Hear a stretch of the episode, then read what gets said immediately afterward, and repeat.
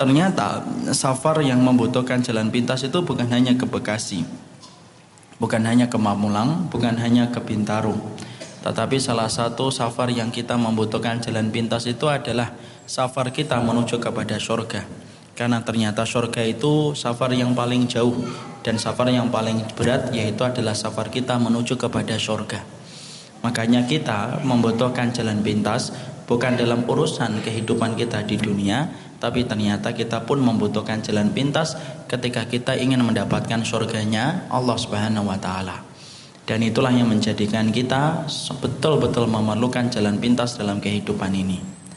Kenapa kita membutuhkan jalan pintas dalam perjalanan kita menuju kepada surga? Karena kita ini diliputi dengan berbagai macam kekurangan.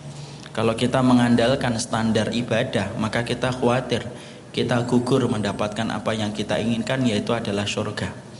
Kita lihat betapa banyaknya kekurangan itu melekat pada diri kita. Satu, umur kita ini pendek, ajal kita terbatas. Makanya kalau kita jujur melihat umur kita tidak sepanjang umur umat sebelum Rasulullah Sallallahu Alaihi Wasallam. Kalau Nabi Nuh itu 1650 tahun. Para nabi ada yang diberikan anugerah sampai 800 tahun dan itu merupakan umat-umat sebelum Nabi. Adapun kita adalah umat yang paling terakhir dan ternyata ajal kita itu tidak panjang. Ajal kita itu pendek dan umur kita terbatas. Keterbatasan itu masih ditambah lagi bahwasanya kita ini memiliki penyakit futur. Penyakit futur itu apa? Yaitu adalah ketika kita lesu dan lemah dalam ibadah. Karena ternyata ibadah itu memiliki dua musim, musim semangat dan musim lesu musim semangat, maka itu yang menjadikan kita bersemangat untuk melakukan banyak ibadah. Kadang-kadang kalau kita sedang datang musim semangatnya, Masya Allah, sampai-sampai kemudian kita itu pingin sholat qiyamul lail itu malam, semalam suntuk, karena kita lagi semangatnya di dalam ibadah. Tapi musim semi ketika kita bersemangat itu tidak selalu datang. Pernahkah antum merasakan sebagaimana yang saya rasakan? Kadang-kadang kita itu masa lesunya dalam ibadah itu muncul. Makanya disebut dengan masa futur. Masa futur itu masa lesu dan lemah ketika beribadah.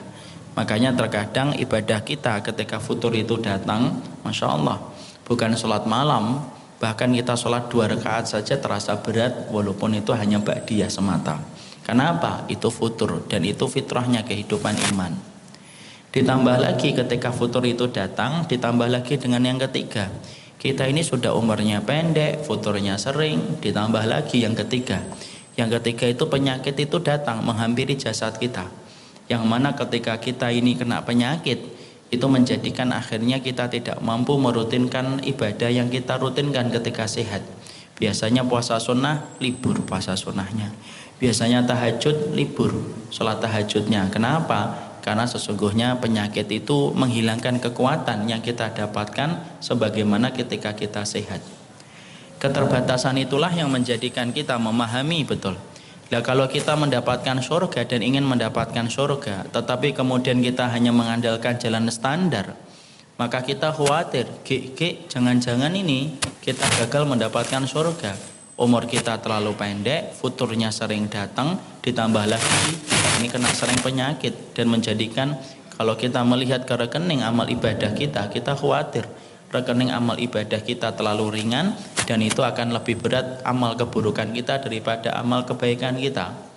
Makanya tadi saya sampaikan, bukan hanya ke Bekasi yang butuh jalan pintas, kita ini butuh jalan pintas karena umurmu pendek, futurmu sering dan kita sering kena penyakit. Dan itulah yang menjadikan kita paham. Sesungguhnya jalan ke surga itu penting. Makanya sesungguhnya kenapa saya katakan jalan pintas? Karena jalan pintas itu merupakan amal ibadah yang ternyata amal ibadah itu nanti besar ketika ditimbang oleh Allah di dalam mizan kebaikan. Makanya saya bahasakan dengan jalan pintas karena banyak amal ibadah itu yang ternyata berat betul di dalam mizan kebaikan dan kita harus paham itu. Dan ternyata kalau kita jujur, ibu dan bapak tahu, iblis itu paling tidak suka kalau kemudian manusia itu mampu dan mudah melakukan dan mendapatkan jalan pintas ketika beramal.